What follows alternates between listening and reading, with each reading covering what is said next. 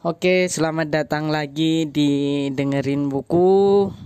Uh, kali ini saya akan membahas buku dari Oki Madasari, novelis pemenang Katulistiwa Award 2012.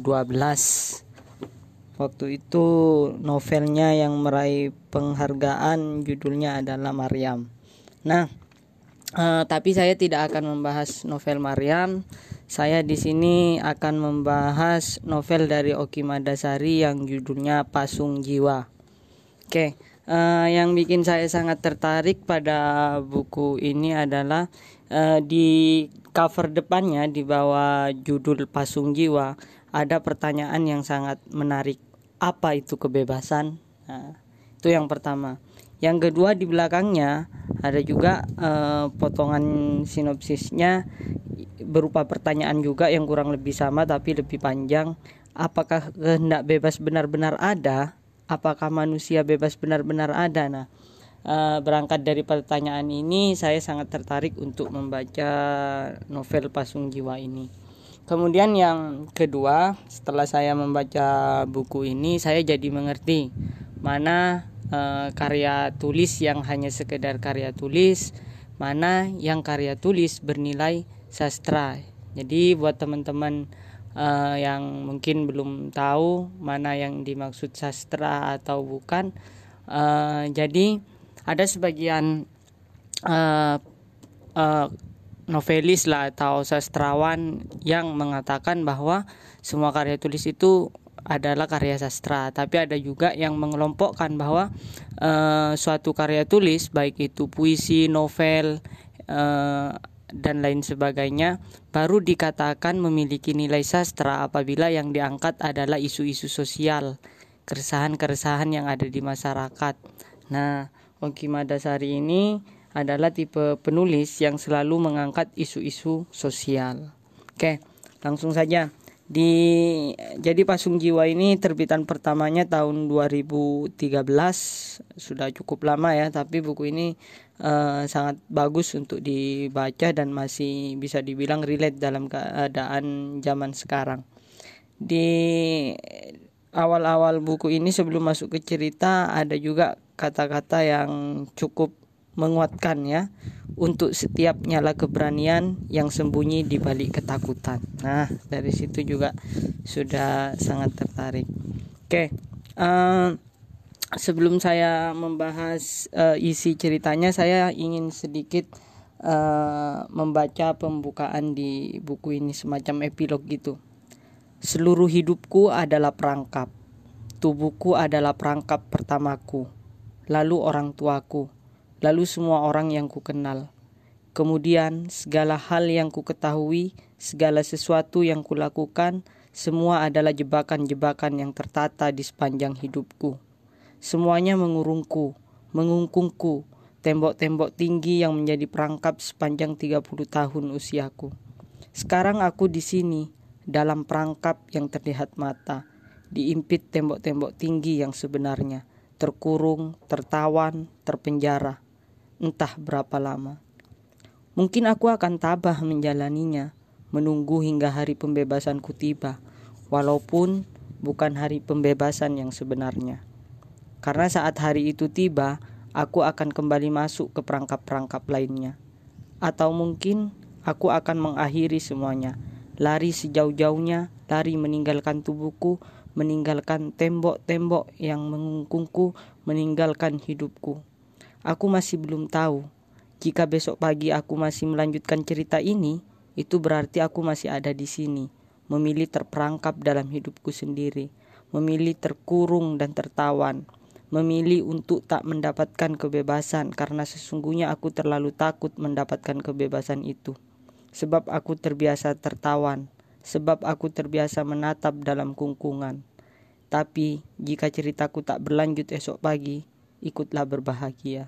Aku telah bebas, sebab aku tak lagi takut, sebab aku tak lagi menyerah dan berserah karena takut. Bukankah itu kebebasan yang sesungguhnya? Nah, jadi uh, garis besar dari novel ini bercerita tentang uh, bukan hanya tokoh di sini ya mungkin termasuk sebagian dari kita yang terpaksa tidak bisa mengikuti kata hati kita tidak bisa mengikuti keinginan kita padahal menurut uh, kita sendiri itu hal yang kita sangat inginkan. Itulah diri kita yang sebenarnya. Namun di sini kita uh, gara-gara uh, apa konstruksi sosial dan lain sebagainya kita terkungkung jiwa kita terpasung. Jadi kita tidak lagi menjadi diri kita yang sebenarnya. Kita menjadi orang yang diinginkan oleh masyarakat yang diinginkan oleh lingkungan sosial kita. Nah di buku ini membahas kurang lebih seperti itu oke sekarang kita masuk ke ceritanya jadi di sini dalam buku ini tokoh utamanya bisa dibilang ada dua ya yang paling disoroti. Yang pertama ada seorang anak laki-laki bernama Sasana. Sasana ini e, diceritakan bahwa dia seorang anak yang lahir di keluarga yang bisa dibilang berkecukupan ya segala fasilitas e, hidupnya dipenuhi oleh orang tuanya dengan baik. Nah di bab pertama buku ini judulnya Sasana Kemudian e, subbabnya yang pertama perangkap tubuh. Ini bercerita tentang sasana kecil di mana e, karena sasana lahir di keluarga yang berkecukupan, dia e, segala fasilitasnya terpenuhi, tetapi nah kasih sayang e, yang diberikan oleh orang tuanya ini bukan yang diinginkan oleh sasana.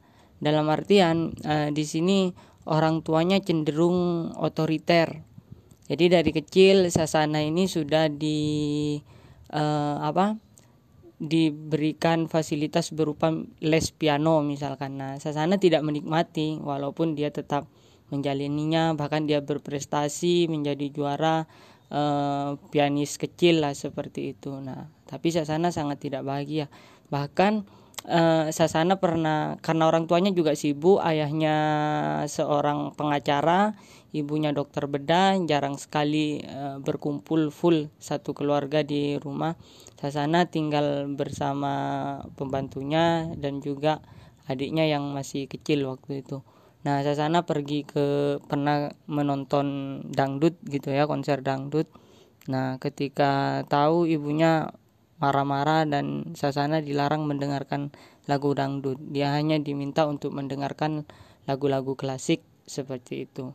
Nah, dari masa kecilnya ini Sasana udah merasa bahwa dia sebenarnya terperangkap oleh aturan-aturan keluarganya, oleh keinginan dan cita-cita orang tuanya, bahkan sesuatu yang dipaksakan orang tuanya bukan yang diinginkan Sasana, namun Sasana harus menjalaninya.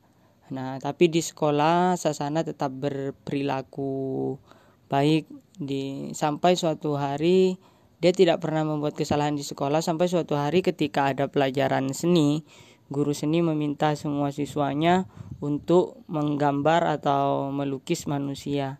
Nah, hal ini menyebabkan orang tua Sasana dipanggil oleh pihak sekolah untuk menghadap guru BK. Nah, ternyata di situ kesalahan Sasana Sasana menggambar tubuh perempuan tanpa pakaian sama sekali.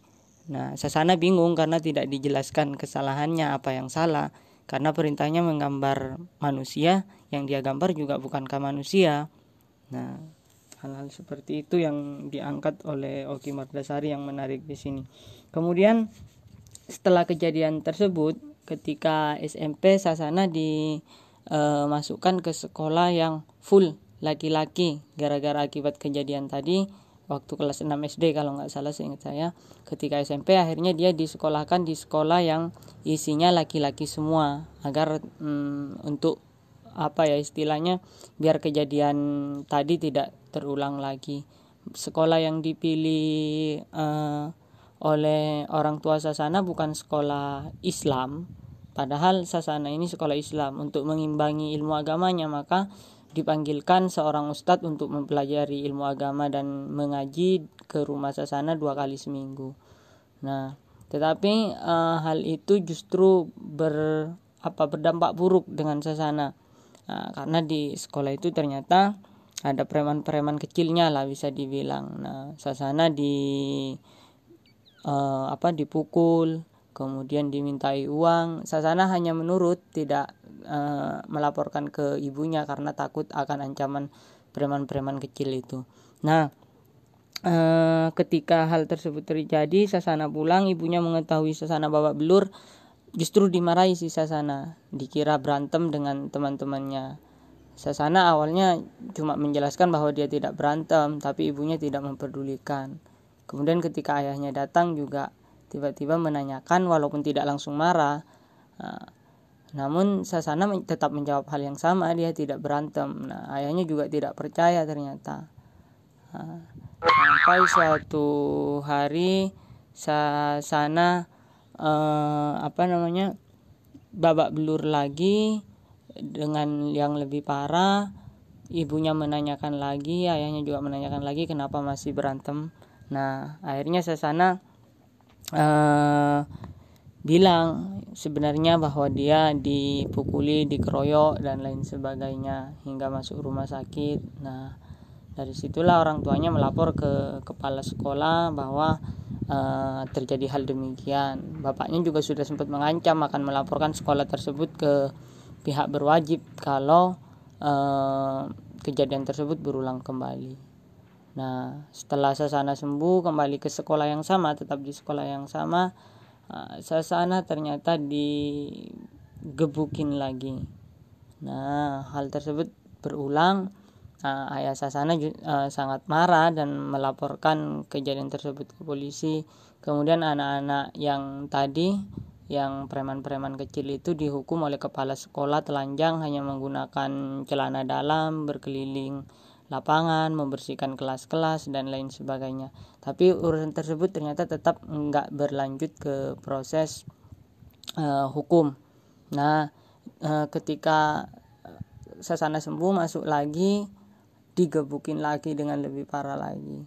Nah, ibu Sasana sangat marah kepada suaminya, ayah Sasana karena uh, hal tersebut masih berulang dan tidak diproses hukum. Nah, lama eh, Sasana dan ibunya baru mengetahui bahwa preman-preman kecil tersebut adalah anak pejabat dan anak aparat eh, yang tidak bisa diproses hukum. Bahkan ayah Sasana diteror balik, diancam balik ke kantornya. Ya, itu masa kecil Sasana. Kemudian subbab kedua di bab satu ada judulnya selain Sasana. Nah, ini langsung melompat ke masa Sasana sudah kuliah ceritanya Sasana kuliah di Malang namun eh, Sasana cuma beberapa bulan saja eh, berada di kampus untuk kuliah. Dia lebih banyak mengamen. Dan di sini eh, kenapa judulnya selain Sasana? Karena di sini ketika masa kuliah masa ngamen yang dia ngamen bersama temannya nanti ketemu di warung kopinya Cak Man namanya Cak Jack. Nah Sasana berubah menjadi Sasa alias transpuan atau kalau yang tidak mengerti istilah transpuan uh, banci atau bencong. Nah, si sasana tersebut uh, bernyanyi mengamen di jalanan bersama Cak Jack berawal dari berdua kemudian uh, dia lumayan lah pendapatannya bisa mengontrak rumah di sini Sasana alias Sasa sudah putus kontak dengan keluarganya, dengan orang tuanya, sudah putus juga dengan dunia kampus, dia tinggalkan semuanya. Nah, ketika Cak Jack ini bilang pada Sasa bahwa dia harus menjadi profesional. Nah, pada berjalannya waktu pendapatannya banyak bisa mengontak rumah dia ketemu dua anak jalanan anak kecil juga yang sudah tidak dipedulikan oleh keluarganya ikut bergabung. Akhirnya mereka ngamen berempat. Nah eh, Cak Jack memasang di depan rumah kontrakan tersebut bahwa eh, ditulisi Om Sasa alias Orkes Melayu Sasa menerima eh, panggilan untuk acara hajatan apa pun sunatan dan lain sebagainya. Lama tapi tidak ada yang memanggil untuk acara besar. Akhirnya cuma ngamen-ngamen biasa sampai suatu hari tiba-tiba ada yang memintanya untuk uh, mengisi acara di acara sunatan anaknya. Nah, dari sinilah nama Sasa mulai semakin dikenal, dikenal, dikenal dan dia sudah jarang lagi mengamen, lebih banyak menerima acara hajatan-hajatan. Nah, uh, di situ hidup Sasa mulai merasa nyaman bersama Cak Jack dia merasa menemukan dirinya nah sampai suatu hari Cakman warung kopi pemilik warung kopi tempat Sasa bertemu dengan Cak Jack datang ke rumah kontrakan Sasa tersebut nah dengan menangis. Ternyata Cakman curhat.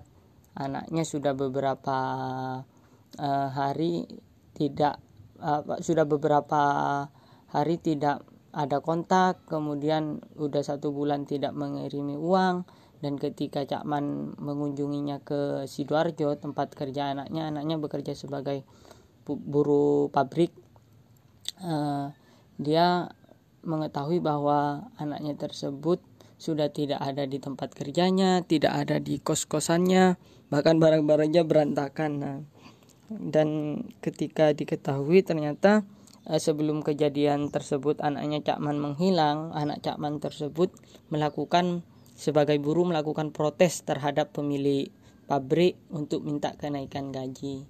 Nah, di sinilah uh, Cakman meminta bantuan Cak Jack dan Sasa. Nah, akhirnya mereka mempunyai rencana untuk melakukan semacam demo atau tuntutan ke pabrik tersebut. Nah, selain apa gengnya Sasa dan Cakman berempat mereka mengajak empat lagi anak muda yang di dalam novel ini disebut marginal nah, marginal ini uh, sama orang anak jalanan juga cuman lebih memiliki idealisme daripada Cakman dengan eh daripada Cak Jik dengan Sasa yang mengamen hanya untuk mencari uang. Nah, titik baliknya ketika mereka melakukan apa namanya?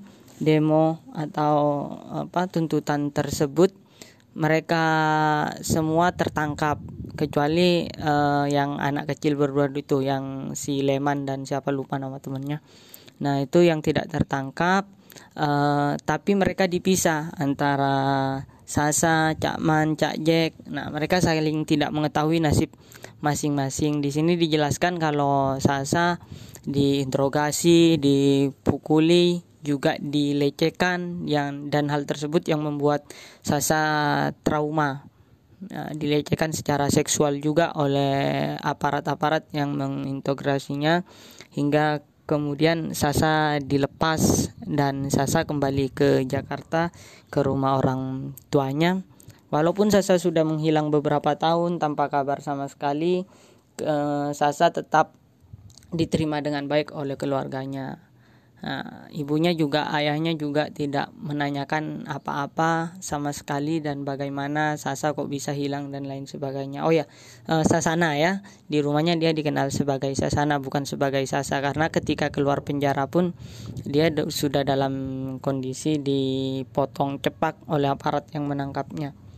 Nah, uh, di rumah tersebut Sasa tidak punya kegiatan hingga akhirnya orang tuanya berinisiatif untuk meminta Sasa kuliah lagi. Sasa mengiyakan karena dia bukan karena ingin kuliah, bukan juga karena ingin menyenangkan ibunya, terlebih karena dia masih trauma terhadap penyiksaan dan pelecehan seksual yang dia alami ketika dia diinterogasi. Nah, sayangnya ketika hari pertama Sasana kuliah, dia melihat orang-orang ramai banyak itu seolah-olah ingin memburunya, ingin menangkapnya. Nah, dia berlari tidak jelas, teriak-teriak. Uh, akhirnya dia berakhir di rumah sakit jiwa. Nah, di rumah sakit jiwa ini uh, dia justru pada akhirnya merasa normal karena dia bisa menjadi dirinya sendiri. Kemudian dia melihat orang, dia juga di rumah sakit jiwa bisa bernyanyi lagi, seperti yang dia lakukan dulu bersama Cak Jack nah, dan perlahan-lahan traumanya si Sasa ini di rumah sakit jiwa mulai menghilang walaupun masih sering kali eh, kadang-kadang tiba-tiba datang hingga dia harus dibius agar tidak sadar. Pada saat dia di rumah sakit jiwa pun orang tuanya mengikuti aja apa keinginan Sasa terutama ibunya ketika menjenguk. Tapi Sasa di sini walaupun dia senang bisa menjadi dirinya sendiri, dia tetap dihantui rasa bersalah terhadap orang tuanya ketika dia meminta baju perempuan, ketika dia meminta alat make up dan lain sebagainya. Nah, sampai di situ masuk di bab kedua di sini ada judulnya Jakawani. Jakawani ini ternyata adalah nama asli dari Cak Jack temen Sasa waktu ngamen. Nah setelah kejadian apa unjuk rasa atau demo di Sidoarjo tersebut, Cak Jack juga ternyata dilepaskan, namun diancam tidak boleh berada di Sidoarjo kalau sampai kelihatan uh, membuat onar akan ditangkap. Nah, akhirnya Cak Jack alias Jakawani ini pulang ke Malang sebentar untuk pamit ke ibunya bahwa dia ingin uh, menyusul kakaknya ke Batam bekerja sebagai uh, apa pun yang bisa dikerjakan di Batam. Ibunya sangat senang karena selama ini Cak Jack ketika ngamen dengan Sasa tidak pernah pulang ke rumah, tidak pernah ya intinya jadi anak jalanan lah. Nah, sampai singkat cerita sampai di Batam, uh, Cak Jack ini menumpang di rumah kakaknya yang sudah berkeluarga tidak selang selang berapa lama dia sudah mendapat pekerjaan sebagai buruh pabrik. Nah, ketika dia bekerja sebagai buruh pabrik ini Cak Jack sangat tersiksa karena dia merasa uh, dirinya seperti robot yang sudah tidak memakai pikiran, perasaan. Dia hanya mengulang-ulang kegiatan yang sama setiap harinya. Nah, di sini uh, di bab kedua ini ada dua subbab judulnya mesin-mesin pabrik dan penjara kuasa. Uh, di sini hari-hari pertama Cak Jack walaupun merasa tidak uh, merasa tersiksa tapi dia masih bisa menikmati. Dalam artian dia merasa hidupnya normal seperti orang-orang lainnya.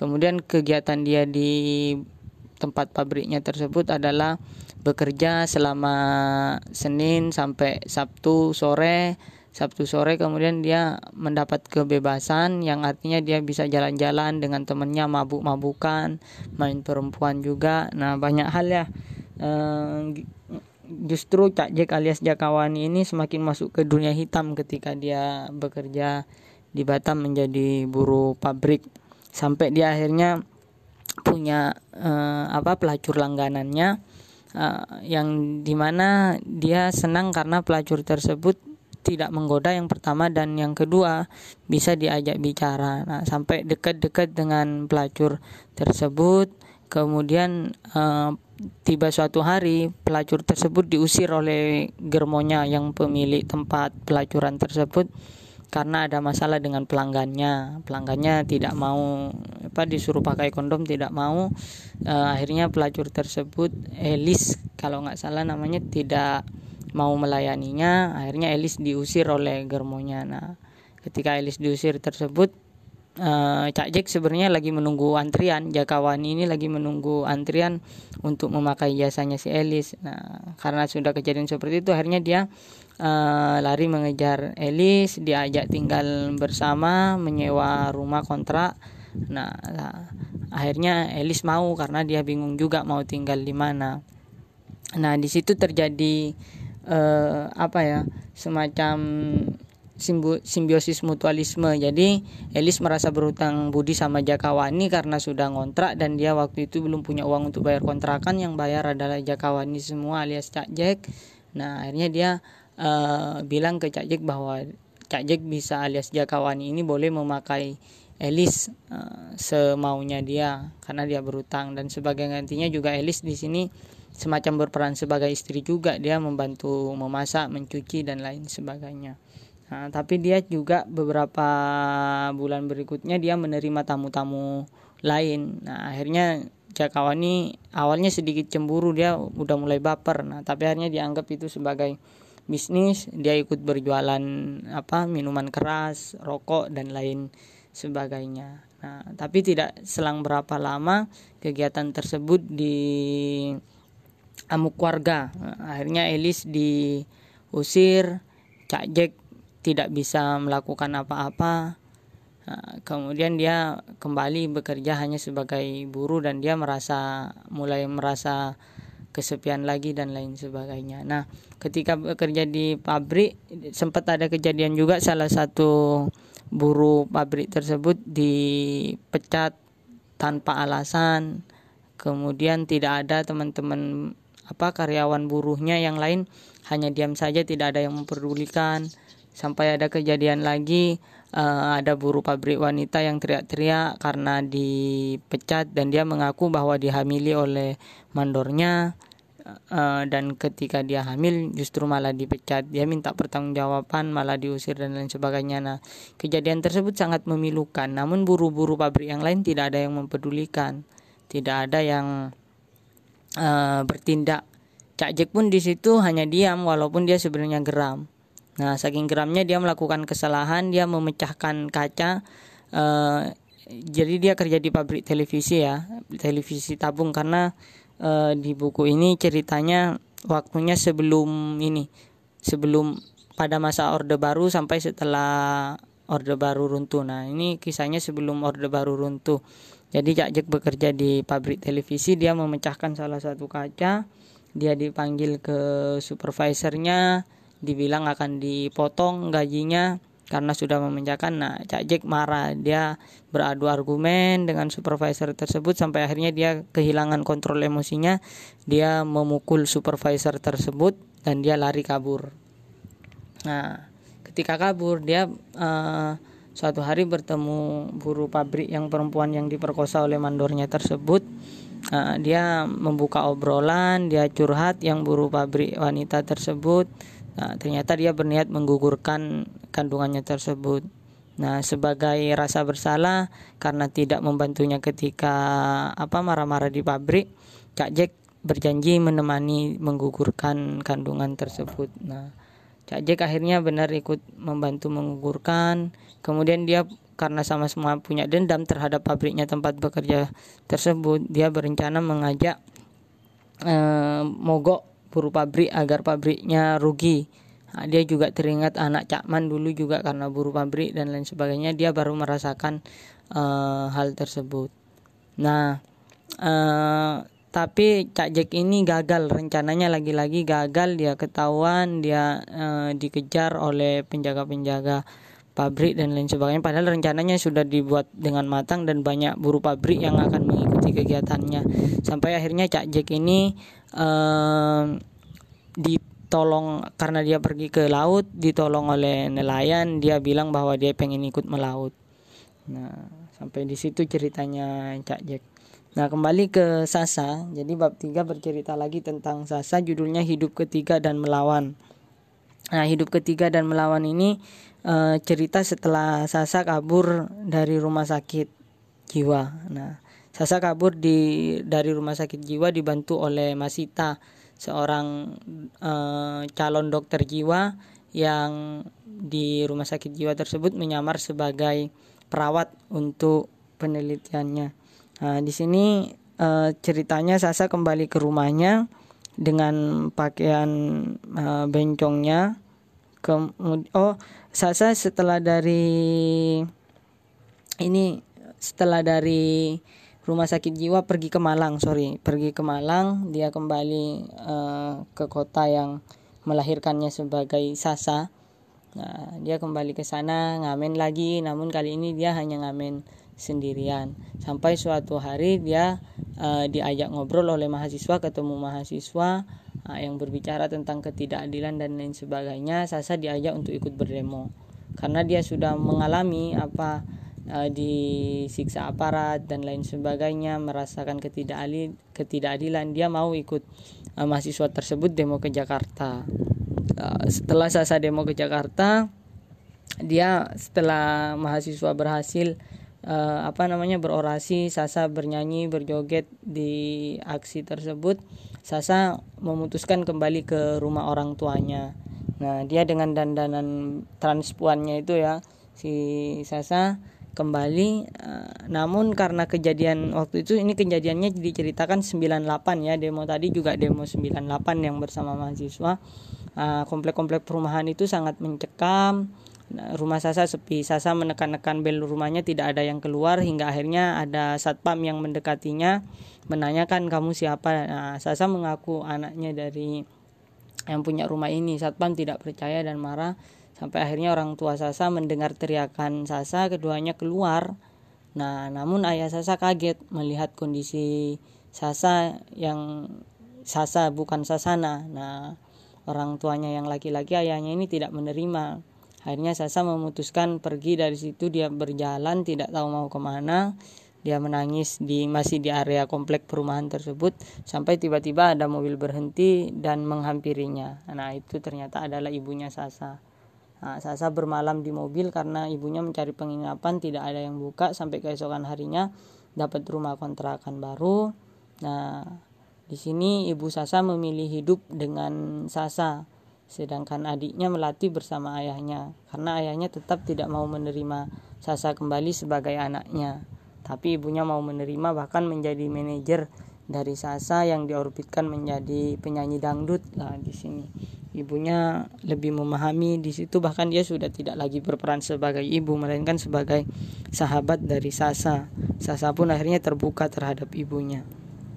Oke kemudian uh, masuk ke bab keempat Jaka Baru. Jaka Baru ini adalah cerita setelah Jakawani alias Cak Jek tersebut uh, luntang-lantung ya kabur di laut beberapa tahun hingga akhirnya dia memutuskan untuk ingin kembali ke Malang. Nah, sebelum ke Malang dia uh, berhenti di Jakarta.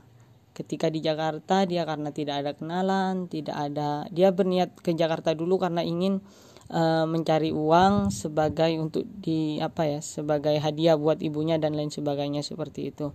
Nah, namun dia masih bingung tidak dapat pekerjaan, dia tidur di jalanan, akhirnya ditemukan oleh sekelompok anak muda yang mengajaknya bekerja. Cak Jack diminta bekerja, dia uh, ditanya pekerjaannya apa, membela agama Allah semacam itulah. Nah, Cak Jack ikut saja. Dia dibawa ke asrama, dapat makan, dapat tempat tidur, Nah, dibilang nanti pekerjaannya ada. Nah, ternyata pekerjaan tersebut adalah di sini dia semacam ormas ya, dikenal dengan nama laskar yang tugasnya itu e, merazia tempat-tempat maksi yang dianggap tempat maksiat. Nah, dengan membabi buta dan di situ ternyata juga bekerja sama dengan polisi, dapat uangnya juga dari polisi. Nah, tapi Cak Jack tidak lama di Jakarta karena dia merasa agak tidak serak. Dia pulang ke Malang. Nah, ketika pulang ke Malang, dia ke Batu karena rumahnya di Batu ibunya di Batu. Nah ternyata setelah dia di depan rumahnya dia ketok-ketok tidak ada yang menjawab. Yang keluar malah orang yang tidak dia kenal dan menanyakan kepada Cak Jack siapa kamu? Nah padahal itu rumahnya Cak Jack dan ibunya. Nah ternyata eh, dia bilang bahwa ibunya Cak Jack sudah meninggal rumah ini sudah diambil alih. Cak Jack ke kuburan ibunya setelah dia berdoa menangis, dia ngobrol-ngobrol dengan penjaga kuburan, dia baru tahu bahwa ibunya uh, meninggal bukan karena sakit, tapi bunuh diri karena dikejar-kejar hutang oleh rentenir. Nah, dan yang mengambil rumahnya Cak Jack tadi yang ada di rumah tersebut rentenir tersebut. Akhirnya Cak Jack marah, nah, namun dia mengontrol emosinya. Dia memakai jubah yang dia dapatkan di Jakarta ketika bergabung dengan laskar tersebut. Nah, dia menemui laskar di Malang karena ternyata di Malang ada cabangnya.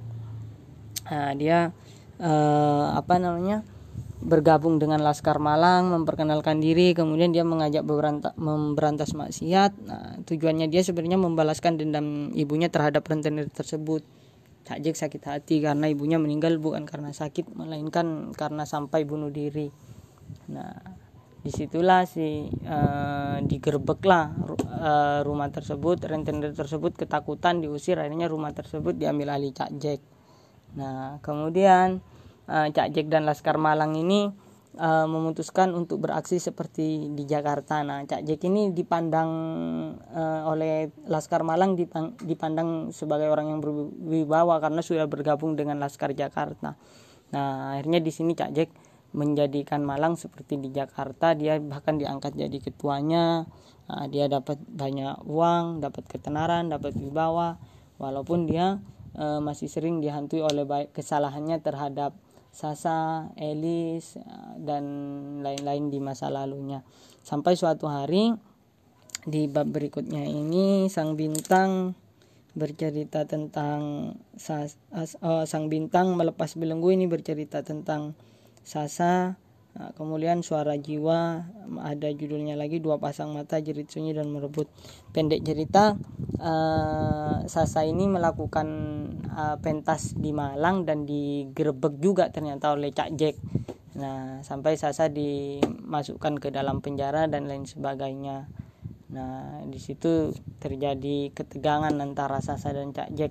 Nah, tapi uh, Cak Jack memilih menghindar, tapi dia selalu dihantui oleh bayang-bayang Sasa. Sampai dia sudah tidak tahan lagi, dia pengen menenangkan diri, dia sempat bergabung lagi ke Laskar di Jakarta. Namun yang dia dapatkan bukan ketenangan hati, malah dia tambah melihat uh, apa kacau hatinya semakin bergejolak. Hingga akhirnya dia memutuskan menemui Sasa di penjara.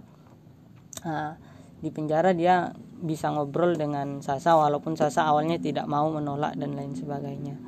Nah, setelah meminta maaf, Sasa menerima maafnya, kemudian Cak Jack mengajak Sasa untuk mengamen lagi. Nah, Sasa mengiyakan setelah mengetahui rencana Cak Jack. Cak Jack membawa Sasa kabur dari penjara dan akhirnya mereka kembali mengamen. Oke, terima kasih. Uh, mungkin uh, karena ini terbatas ya teman-teman uh, bisa langsung aja baca sendiri. Banyak hal-hal yang menarik yang belum saya sampaikan di sini termasuk masa-masa sasa di dalam apa rumah sakit jiwa itu sangat menarik sekali. Uh, karena di situ apa namanya uh, banyak dialog-dialog antara Sasa dan Banua salah satu orang gila yang sempat saya tandai tapi lupa. Ntar ah.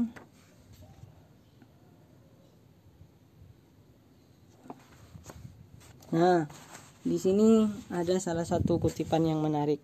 Pikiran kerap hanya terbangun oleh tempelan-tempelan yang kita ambil atau dipaksa masuk oleh sekitar kita Sementara tubuh selalu diperlakukan sebagai pengikut pikiran, ia tak hadir dengan kewenangan. Maka tubuh itu bergerak sendiri lepas dari pikiran, selalu dianggap sebagai pembangkangan. Berbagai hal disalahkan sebagai sumber pembangkangan itu, bisa karena kesurupan atau karena ketidakwarasan, ya seperti kami yang ada di sini. Sementara jiwa adalah kesadaran yang menempel dalam keberadaan manusia sangat kecil, sangat tersembunyi, suaranya selalu jernih tapi lirih tak terdengar. Kesadaran yang lama tak diperhatikan akhirnya bersembunyi kala oleh timbunan-timbunan suara luar yang diyakini sebagai kebenaran. Tidak hanya kami yang gila ini yang kehilangan kesadaran, tapi juga orang-orang waras yang ada di luar sana. Terima kasih.